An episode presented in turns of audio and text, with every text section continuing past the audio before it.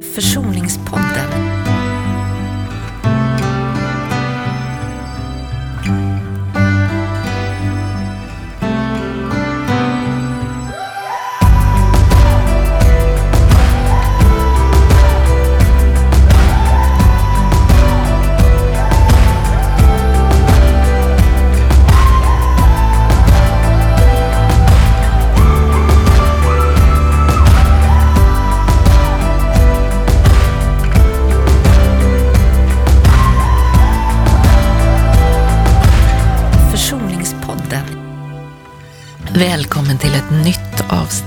Försoningspodden.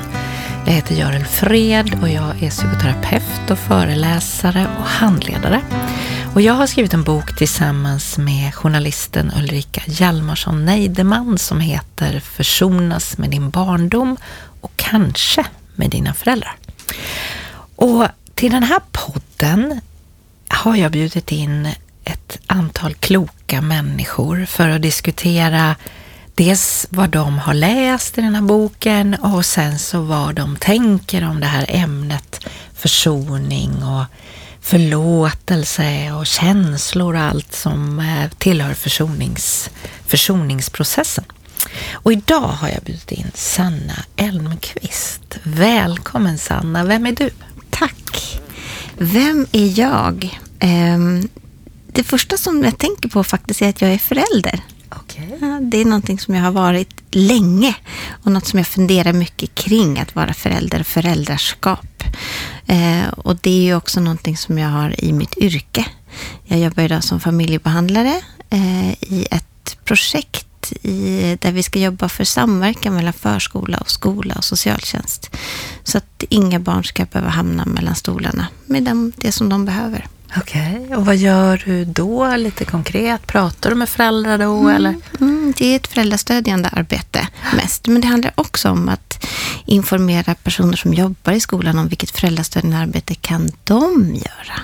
De som är i skolan? Ja, och Mhm. på förskolan. När man möter en ledsen förälder på morgonen i kapphallen. Hur kan man ge henne eller honom extra omsorg i ett föräldrastödjande arbete som också blir bra för barnen? För det är ju det som är slutändan. Hur ska det bli så bra som möjligt för alla våra barn? Ja, Så, ja.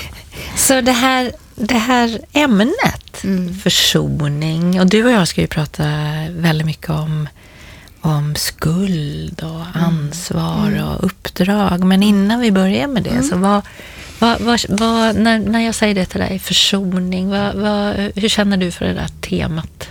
Eller vad tänker du om det där temat? Jag tänker nu först på att det är ett väldigt vackert ord. Försoning. Det är liksom ett varmt, r- lite runt ord. Ja, det är ett ord jag tycker mycket om. Ja. Ehm, det är nog det första jag tänker på när jag hör ordet. Och sen tänker jag på hur komplicerat och svårt det är att försonas och vilken process det ligger i försoning. Så är det ju. Ja. Och vi ska prata du och jag. Jag bett dig att vara med mig och prata om det här eh, med det som verkligen kan göra att man tänker att man inte är värd att försonas eller man är inte värd det. När, när du har läst om det här med skuld och ansvar och barnets omöjliga uppdrag, vad, vad, vad har du tänkt kring det när du har läst om det? Mm, jag tänkte att det är väldigt orättvist att vara barn. Ja, eller hur?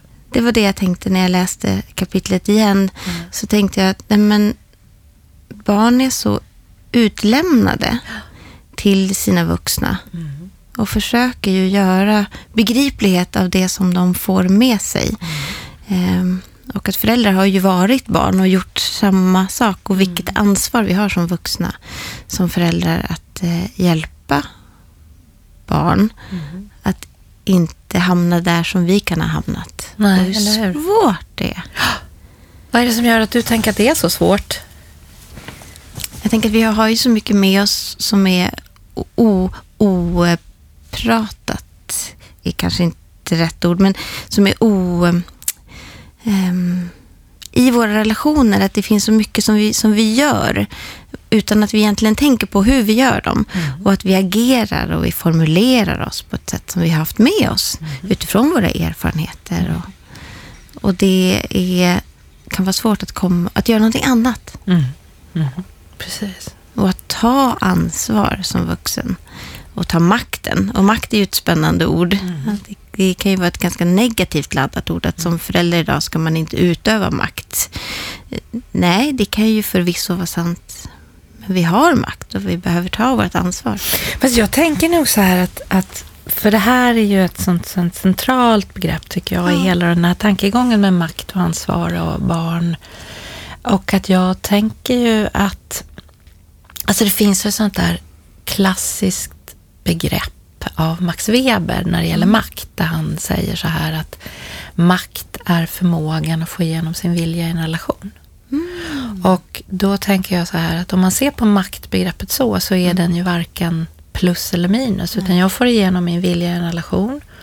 Och det kan ju både vara till din fördel och din nackdel. Så att säga. Alltså, alltså som förälder har jag ju makt. Ja. Och jag ska ha makt, för hur blir det annars om jag inte kan guida mitt barn genom livet? Ja. Alltså att få igenom min vilja för att skydda mitt barn och för att gränsa mitt barn, allt det där. Och så kan jag ju också använda den makten på ett för dig väldigt, väldigt eh, destruktivt sätt. Men jag kan också använda den på ett för dig väldigt konstruktivt sätt. Ja. Så, att, så att jag håller med dig om det, att makt har ju ofta blivit en slags en em, som, eh, tolkning eller konnotering som om det är negativt. Men jag Precis. tänker att det är neutralt på ett sätt. Ja. Vad tänker du om det? Ja, för det jag kom på nu är att att makt kan ses som en envägskommunikation. Men utifrån det begrepp, den som du sa kring, kring eh, Webers uttryck Mm. kring att makt handlar om relation, Mm. då är vi inne på att det inte är en väg, utan att det är någonting vi gör tillsammans. Ja, och sen är det ju jag, om jag utövar makt över dig så får jag ju igenom min Ja. vilja över dig så att säga. Och därför är den ju på ett sätt, det är jag som bestämmer. Och ett barns hela, vad ska man säga, tillvaro handlar ju om att den har inte den förmågan på grund av ålder och erfarenhet att kunna bestämma vad som är bäst för den. Det, är ju det, det är ju därför vi som föräldrar måste utöva makten. Så. Och så ibland utövas då makt över barn på ett sätt där mm, viljan blir eh, väldigt eh, destruktiv. Tänker jag. För jag, tänkte, jag tänkte att jag skulle prata med dig om det här, det här som jag och som vi skriver i den här boken kring alltså eh, skillnaden mellan ansvar och makt och sen tänka vad du tänker om det. För jag skriver ju det där om att att makt och ansvar måste hänga ihop. Alltså har jag mycket makt så har jag mycket ansvar. Och har jag lite makt så ska jag ta lite ansvar. Och att föräldrar har ju mycket makt och ska ta mycket ansvar och barn har lite makt och därför ska de ta lite ansvar. Men jag brukar ju prata om det där att när föräldrar lämnar sin uh, ansvarsposition, de kan ju aldrig lämna sin makt, för de har ju liksom förmågan att få igenom sin vilja. När de liksom tar eh, inte det ansvar som kommer på deras makt, så att säga. Så brukar ju barn ofta göra så att då tar de mer ansvar än de har makt. För någon måste ta ansvar. Va, va, det där resonemanget har ju, har ju du och jag pratat om förut, för vi har ju träffat varandra utanför den här podden. Vad tänker du om det där resonemanget, Sanna? Håller du med mig om det? Ja, jag håller helt med. Och att det är det som kan verkligen ställa till det. Eh, och, och, och, och, den ena tanken jag får är ju att barn är ju uppfinningsrika, små människor. Om man tänker på barn som små människor, vi är ju människor, bara olika stora, olika erfarenheter och ålder. Eh, så är det ju ett, ak ett aktivt handlande som ett barn kan ta för att bringa meningsfullhet i en situation. Så på ett sätt kan man tänka att det är någonting som barn gör som blir gott. Det är ett agerande. Nej, men min förälder gör inte det här, jag behöver göra någonting. Jag blir agent i mitt eget liv. Just det. Sen blir det ju, baksidan av det blir ju att barn tar ansvar för saker som de inte ska ta ansvar för. Därför att de inte Har makten. har makten att ställa saker och ting till rätta. Just det. Och, och, och den där, det där att, att vara i, så att säga, eh, mycket ansvar, lite makt. Mm.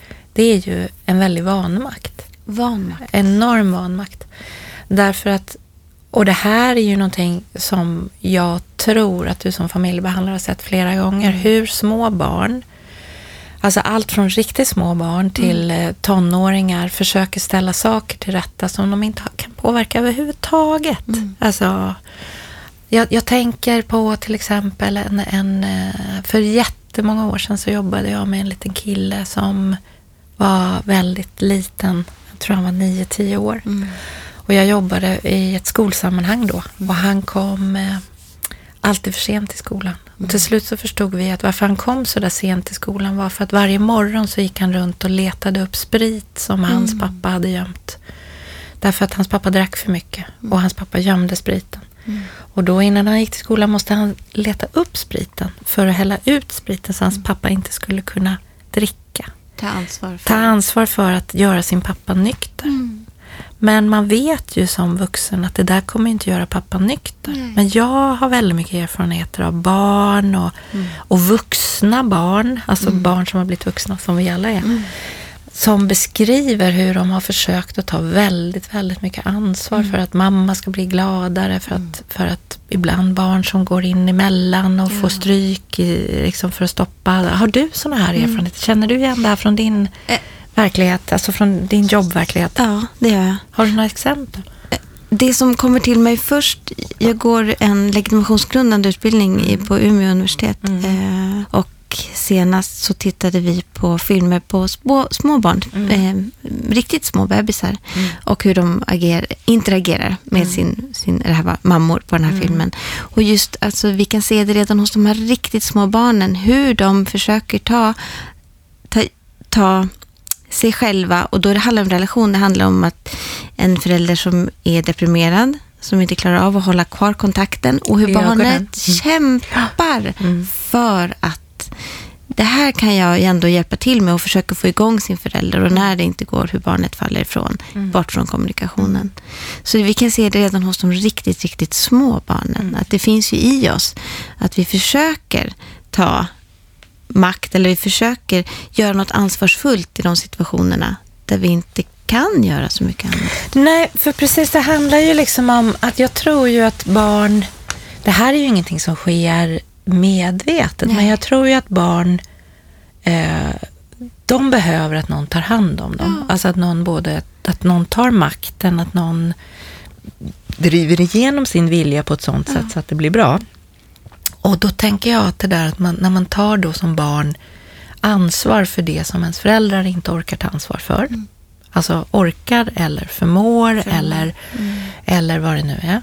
Så tänker jag ju så här att man gör ju det på ett sätt som hjälp till självhjälp. Är du med mig på den tanken? Om jag kan få mina föräldrar att funka Ja. så kan de ta hand om mig. Ja, Tror du att det är en, en riktig tanke? det tror jag. Ja. Så jag. man försöker få igång sin förälder så Ja. att den ska kunna ta hand om mig. För, att, för att jag har också tänkt så här Sanna, att eh, eh, det här att man ibland säger att ett barn har tagit makten i den här familjen. Man Ja. pratar ju så eller det är så. Eller man säger att i den här skolklassen har barnen tagit makten. Och, så här. och det där gör mig alltid lika upprörd. För Ja. jag tänker så att barn kan inte ta makten. De kan bara ta vanmakten. Vad tänker du när jag Ja. säger så? Jag håller helt med. Och jag tänker att det verkligen handlar om ordet makt, vad vi lägger i det. Och skulle vi formulera oss istället att så att det här barnet har tagit, har, är fylld av vanmakt Ja. i den här familjen eller den här precis klassen. Är, är, det är en vanmaktssituation som gör att de agerar. Det skulle bli mer begripligt, ehm, skulle, tänker jag.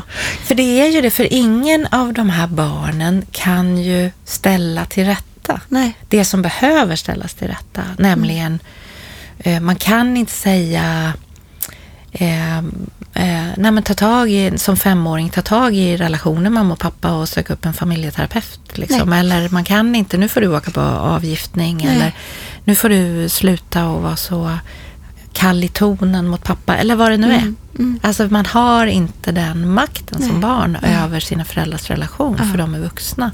Och ändå försöker ju barn hitta mening. Ja. Och eh, kanske inte att de letar efter makt, utan de letar efter lösningar. Eh, Att det som vi ser som, som sociala problemet är ju den sociala lösningen, Ja, tänker jag. Det är ju precis det. Hur menar du nu? Det där var spännande. Ja, visst det som vi ser som sociala problemet är den Det var en, sociala en, lösningen. en gammal chef till mig en gång som använde uttrycket det som vi ser som en persons sociala problem Ja. är den personens sociala ja, lösning. det. Den försöker lösa Man det. försöker lösa. Jag vaknar inte imorgon och tänker hur ska jag, jag ska ställa till det för mig, jag tar ett sms-lån. Utan man tänker jag ska lösa min ekonomiska situation. Just det, just det. Jag tar ett sms-lån. Och jag tänker lite samma kan man tänka kring barnen när de försöker hjälpa till med sina föräldrar. Ta pojken, som du beskrev, som då häller ut, letar upp och häller ut. Spriten, ja. Jag ska lösa min situation Absolut. på det här viset. Just det. Och så kommer de ju aldrig lyckas med det barnet för att Nej. de har bara barnets redskap. Precis. Och för att lösa vuxnas problem så måste vi ha vuxna redskap. Ja. Och det finns inte en suck i världen att en femårig flicka eller nioårig pojke eller... Och det här är ju ändå så spännande för att i många samtal jag har haft med människor, i många terapier jag har varit med människor, så har ju människor ändå en så här idé om att de borde ha klarat. Alltså, man kan vara väldigt, väldigt hård mot sig själv. Man Ja. borde ha klarat. Ja, Alltså, ja. det var mitt fel att mamma fortsatte att vara deprimerad eller pappa fortsatte att vara så här sorgsen eller vad det nu är. ja. Och det där är ju en väldigt tung, tung börda för många människor. Att man, man är förbannad på sig själv för att man inte klarade det som det inte fanns en suck i världen att klara för man hade inte det redskap. Precis. Ja. Apropå din formulering om att det är ett omöjligt uppdrag. Ja. Det är det. ja. Barn kan inte lösa Nej. sina föräldrars svårigheter. Nej, de, kan- nej. Alltså hur mycket man än jobbar. alltså, för man är inte... eh, Jag minns en gång för jätte- jättelänge sedan när jag hade en, en, ett samtal med två föräldrar i 70-årsåldern som hade en, ett barn som blev väldigt... Eh, som de tyckte var besvärligt. Mm. Och så bad jag att de skulle bjuda med det här vuxna barnet. Och när hon kom in så sa hon till mig så här... Okej, försöker lösa mina föräldrars bekymmer. Det har jag försökt sedan jag var fem år. Ja. Och eh, hon var väldigt klar över att det har jag försökt när jag var fem år. Min pappa har pratat med mig om det här sedan jag Ja. var väldigt liten. För precis som du pratar om så är ju barn väldigt hjälpsamma så de kommer ju att försöka lösa. Ja. Och det är då det är så sorgligt tycker jag att jag undrar vad du tänker när jag säger så. De flesta barn säger ju inte sådär Herregud vad jag har lagt ner mycket tid och energi på att försöka hjälpa mina föräldrar. Eh, vad duktig jag har varit eh, med eh, att jag gav mig på ett omöjligt uppdrag. Utan de säger så här, herregud vad dålig jag är som inte kunde ställa, ställa det till rätta. Mm. Håller du med mig? Ja. Vad får du för tankar av det? Ja. Jag tänker att det är ju... Jag funderar på vad det är i, i våra hjärnor som gör att vi formulerar oss på det viset. Ja. För när du säger den första formuleringen kring Oj, vad jag har försökt. Ja. Alltså, wow, Ja. vilken grej. Ja. Jag försökte, jag var fem. Ja. Det är klart det inte gick. Nej, eller hur? Om man, med den känslan. Ja. Eller då, nej men jag misslyckades hela tiden. Det är nog mitt fel att inte, jag kunde inte, gjorde inte tillräckligt. Eh, för det är ju ofta det där vi hamnar när att, att känslan av att inte ha lyckats. Eller jag, jag som barn, nej, man har inte makten eller ansvaret att ställa det till rätta. Men vad är det som gör då att vi väljer, eller väljer vi att, vad är det som gör att det trillar ner i våran känsla på det viset? Att jag inte lyckats? Nej men alltså dels så tror jag ju så här att en del barn kan ha varit med om, det finns ehm, en dansk psykolog som pratar om två begrepp som är skuldkultur och ansvarskultur. Ja. Och han pratar om att i skuldkulturen, Mm. Då är det väldigt viktigt att vi hittar vems fel det här är. Mm. Så. Det är jätteviktigt. Alltså vem ska vi skylla på? Just det. Ja, det är för att Sanna är så bråkig som vi har det så här i vår familj. Och när skuldkulturen är igång så är det väldigt, väldigt viktigt att vi så att säga inte blir den som drabbas. Så att jag kan, eh, du vet, jag vet inte om du lekte den när du var liten. Jag lekte den där leken som man man skulle springa runt en eh, så här massa stolar och sen när musiken tystnar så ska man, och det gäller att inte bli utan. Ja. Så det gäller liksom att inte hamna utanför. Och den som får skulden hamnar utanför. Wow, det är dens fel. Så när skuldkulturen är igång så tror jag att det kan vara så att man, man internaliserar, man får den här rösten i sig. Det måste vara mitt, det, ja, det var mitt fel för alla har sagt det. Vi, hade, vi skulle haft det väldigt bra i den här familjen om inte du var så bråkig. det. det här kan ju hända i familjer där skuldkulturen är stark och där föräldrar inte förmår att ta sitt ansvar. Mm. Till skillnad från det som heter ansvarskulturen, där vi vet att vi alla är med och påverkar. Mm. Eh, och man, man har alltså sin tårtbit i den här påverkans eh, beror på hur mycket makt jag har. Ja. Och då är det så att barnet har, som jag säger igen, väldigt lite makt och därför har det väldigt ansvar. Så att när skuldkulturen är igång så, så eh, är det, det är väldigt destruktivt. Alltså. Smittsamt. Och det är väldigt smittsamt. Och det gäller liksom att man blir väldigt oempatisk i den.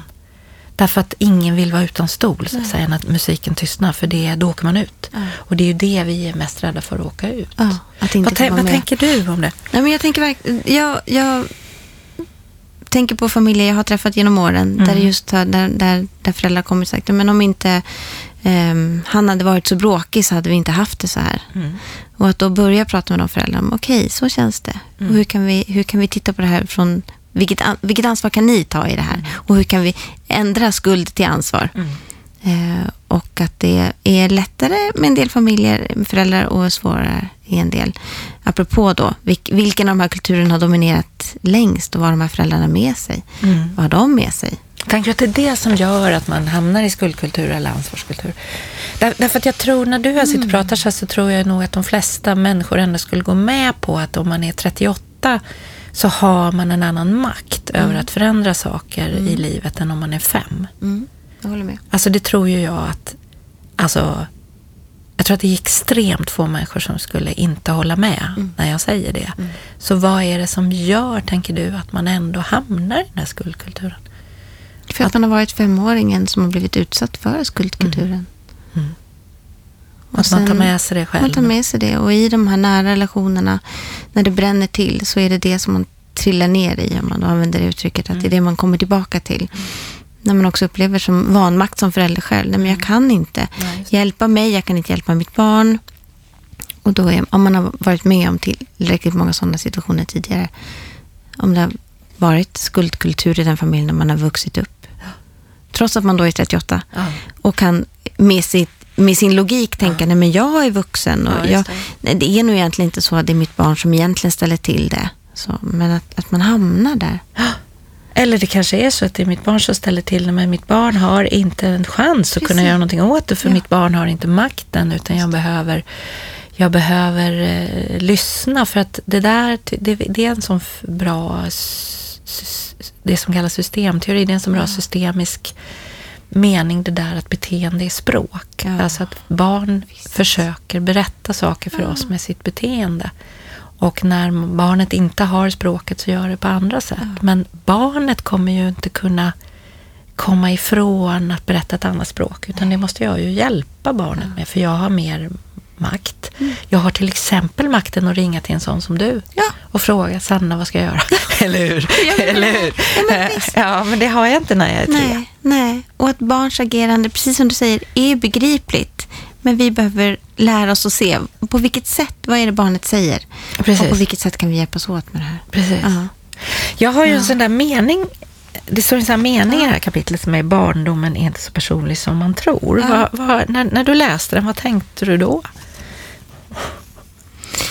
Eh, För jag vet att en del studsar på den här meningen, så att, vad tänkte du? Ehm, jag tänkte nog att det, det är så. Att den inte är så personlig som man tror. Att det finns en tröst i den formuleringen. Där hamnade jag när jag läste det. Det här kapitlet. Att, och, om, om vi kan tänka mer så. Att... Eh, Hur förstod du den då? mm, det var en bra fråga. När jag läste den så tänkte jag att det här... Hur, så här tänkte jag. Hur ska, hur ska man kunna använda det här och prata med, med barn idag om att deras barndom inte är så personlig som de tror och samtidigt hålla fokus på att just deras barndom är naturligtvis deras, precis som du skriver. Jag menar, det tar ju inte bort de egna minnena eller upplevelsen av det som hände just mig. Men att det här är någonting som är Större än mig. Större än. Och att det finns en tröst i det. För det, det, det, det jag menar med den här formuleringen, det är ju just det här att eh, att jag tror att många, det här har ju ihop med det här med skuld, Ja. att många tror så här, okej, det var för att jag var så bråkig och så kunde jag till exempel, eller vad det nu är, som jag var, så grinig, så morsgrisig, så det var någonting som var fel på mig. Det är därför jag har haft det som jag har haft det. Men eftersom jag tänker så här att jag ansvaret är inte mitt, för jag har inte makten som barn, så tänker jag så här att väldigt, väldigt många barn som kommer till föräldrar som har det knepigt på olika sätt, som har det här du sa, som har med sig sitt, eget vanmäktiga barn in i sitt vuxenliv, som, har, som kämpar med vuxna bekymmer på olika sätt. De kommer inte förmå sig att bli tillräckligt okej föräldrar. Nej. Och då tror barnen att det handlar inte om att mamma eller pappa av massa skäl som jag inte kan påverka inte förmår sig, utan Nej. de tror att det är min skuld. Precis. Och det här tycker jag att jag har mött väldigt många vuxna som går runt med. Det var min skuld. Det var, precis. Och det vi också vet är ju att kombinationen av robust barn, skör förälder kan göra det lättare för den sköra föräldern Ja. med ett robust barn. Men det tar ju inte bort det att det robusta barnet, om man använder robust som är mer, man, ett barn som kanske nöjer sig lite lättare, liksom kan titta på livet ehm, med, utifrån eh, mm, en större begriplighet kanske, för det finns någonting med barnet. Det tar ju inte bort att föräldern ändå har makt och ansvar. Absolut. Men att det kan bli lättare för det barnet och kanske för den föräldern.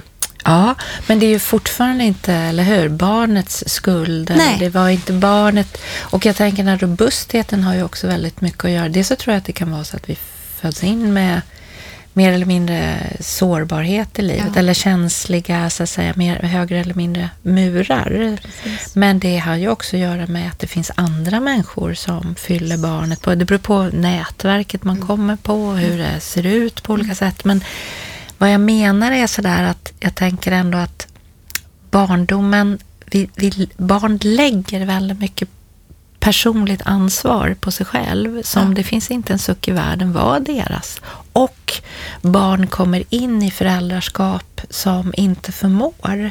Ja. Och då spelar det liksom ingen roll vilket Nej. barnet hade haft, vilka murar de än hade haft, eller vad man säger så. Precis. Är du med? För, Ja, jag- för att det, det hade liksom blivit, och sen betyder ju inte det att, att det inte, det är klart att barndomen är personlig. Det var min hud som Ja. fick slag, eller det var jag som grät till sämst, eller det var jag som tyckte att det var jobbigt med den här kylan.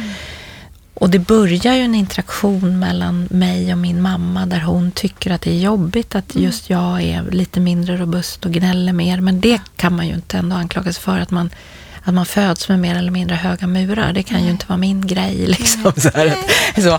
Och, och då, då tänker jag så här att, att det är verkligen väldigt sorgligt. För det här, jag påstår, se om det är din erfarenhet också, att så många människor går runt med en känsla av att de borde ha fixat någonting som de inte har fixat. Ja, Och det är sorgligt. det är supersorgligt. Och därför så borde man mer, tänker jag, så här att det är klart att det på ett sätt var personligt och på ett sätt var det inte personligt för det handlade om att jag kom till mina föräldrar i en tid av, eller jag kom till de här föräldrarna som inte orkade på olika sätt. Nej.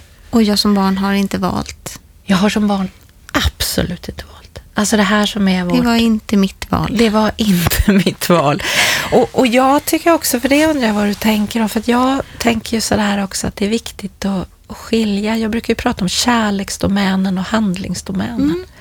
Att man kan komma, alltså att jag tror ju, jag vet inte om det är din erfarenhet också, men jag har nog aldrig träffat en förälder som jag inte tror älskar sitt barn.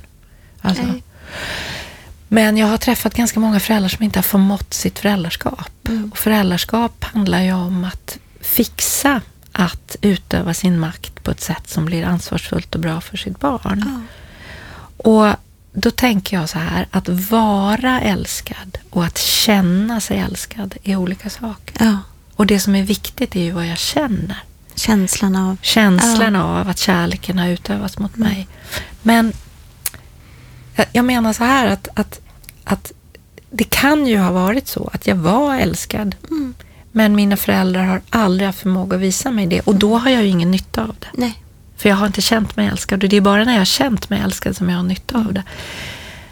Men det här är ju viktigt ändå, apropå det här med barndomen är inte så personlig mm. som man tror. Alltså, många människor tror jag går runt med en känsla av att de eh, var inte älskvärda. Nej. Om jag bara hade Om varit, jag bara annan, hade varit ett, annat, ett annat barn. Så hade jag varit älskvärd. Och då tänker jag så här, mm. fast jag tror att du var älskad. Ja. Men dina föräldrar förmådde inte. Och det får du vara sur på hela livet om du vill. Ja. Och du behöver inte träffa dem och du behöver inte förlåta dem allting. Mm. Men det är viktigt, tänker jag, att mm. bredda berättelsen och inte tänka jag är ett oälskat barn. Mm. Jag kanske var hur älskad som helst. För hur ska vi kunna Precis. veta om föräldrar älskar eller inte? Om jag säger att jag älskar så gör jag ju det. Ja. Men du har aldrig förmått att visa, visa och fått barnet att känna Just sig. Det. För det är ju det vi det är ju det som vi är, mm. är vårt smörjmedel, att mm. vi känner oss älskade. Mm. mm. Så varför att vi duger. Och att vi duger. Ja. ja. Men, och därför så kanske det inte blir så viktigt om jag var älskad, men jag tror att det kan vara det för att, att jag kan tänka så här, okej, okay, det var inte jag som var oälskvärd, det var min förälder som inte förmådde att visa det. Ja. Tänker du om det? Jo, nej men jag, för då tänker jag, för då är vi när vi pratar med vuxna som har erfarenheten av att så här var det när jag, ja. var, när jag var barn ja. eh, och att, att få möjlighet till samtal med sin förälder kanske. Mm. Eh, eller egna samtal, att få sätta ord på. Det här, jag kände mig aldrig älskad. Nej. Och eh, i, kanske i en situation tillsammans med en familjeterapeut ja. eller liknande, tillsammans med sin förälder, där föräldern får säga, jag har alltid älskat dig. Ja. Nej, men jag kände mig aldrig. Och att man, då är vi inne på försoning. Ja. Men hur gör vi med de barnen nu som är i det här? På vilket sätt, har du någon tanke kring det? Hur ska vi sprida det här än mer till de barnen som är nu, så vi får färre barn som upplever sig oälskade? Ja, jag tror ju att den här...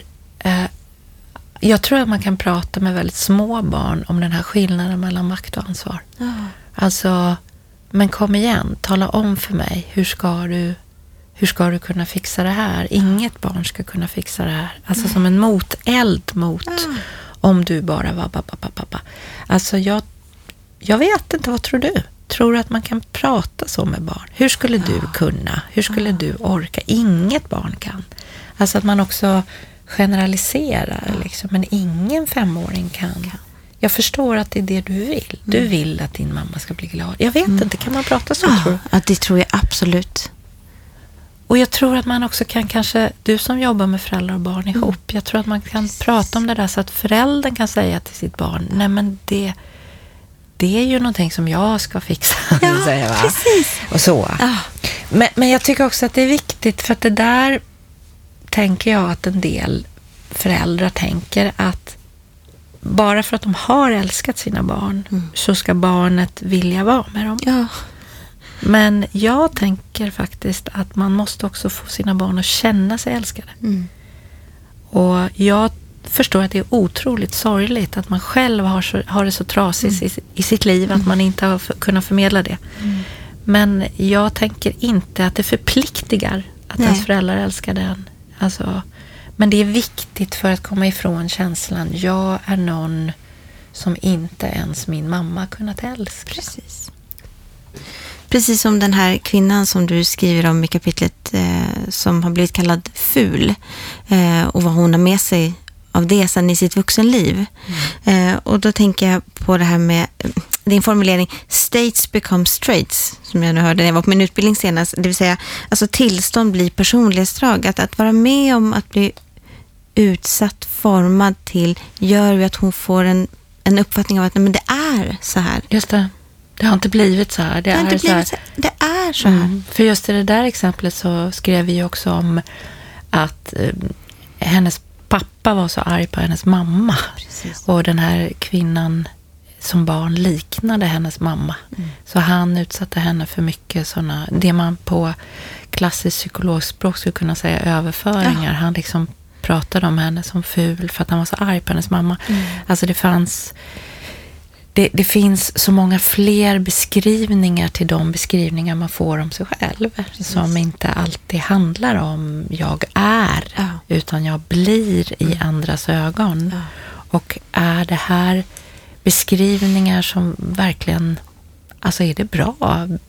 Är det beskrivningar som gör att jag orkar leva mitt liv och mm. finnas till i de relationer jag har nu? Mm. Och det där är ju inte så lätt, för precis Nej. som du säger, det blir ju som en del av mitt det har vi väl alla. Ja. Sån här är jag. Jag har fått ja. höra det jättemycket då. Eller säga av mina föräldrar att du ja. är sån här. Eller du är sån här. Sanna är sån här i vår familj och gör. Eller sån här i vår familj. Och så blir det där liksom våra identitetsdrag. Det var så du sa. liksom.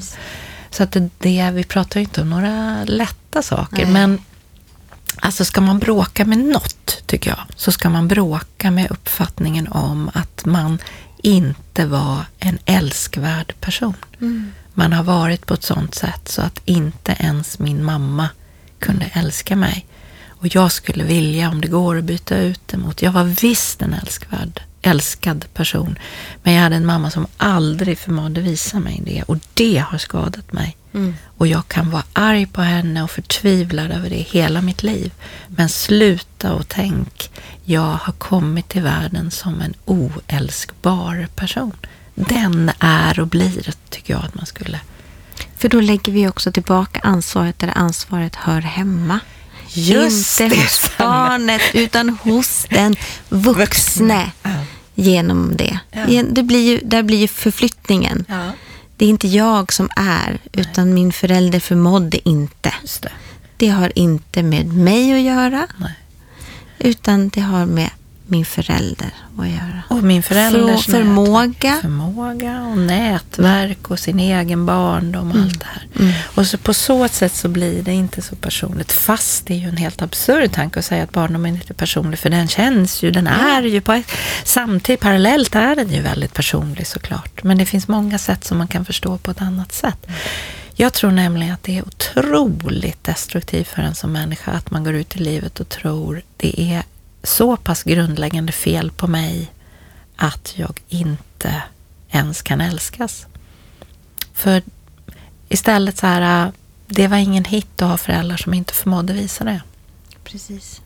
Sen vet jag att alla, jag tror säkert att det finns människor som fortfarande säger att fast jag var inte älskad och det kan man ju inte argumentera med. Så. Ja, men, då är det att hantera. Ja, då får man hantera mm. det. Men, men jag, jag tänker att väldigt ofta var man det, men man har inte haft någon nytta av det. Nej. Alltså, så är det ju. Precis. Mm. Men kärleken gör väl som mest nytta när vi känner den?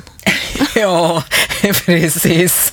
Det var väl ett bra statement. Kärleken gör som mest nytta när vi känner den. Ja. Så. Ja. så att vi kan ju aldrig heller till våra barn säga, men men jag älskar ju dig så du får låta bli att tänka att jag kränker dig. Därför det skulle jag inte en person som älskar göra. Jo, absolut, vi kan dessvärre både såra och kränka människor som vi älskar. Och då måste vi hitta något sätt att ta ansvar för det.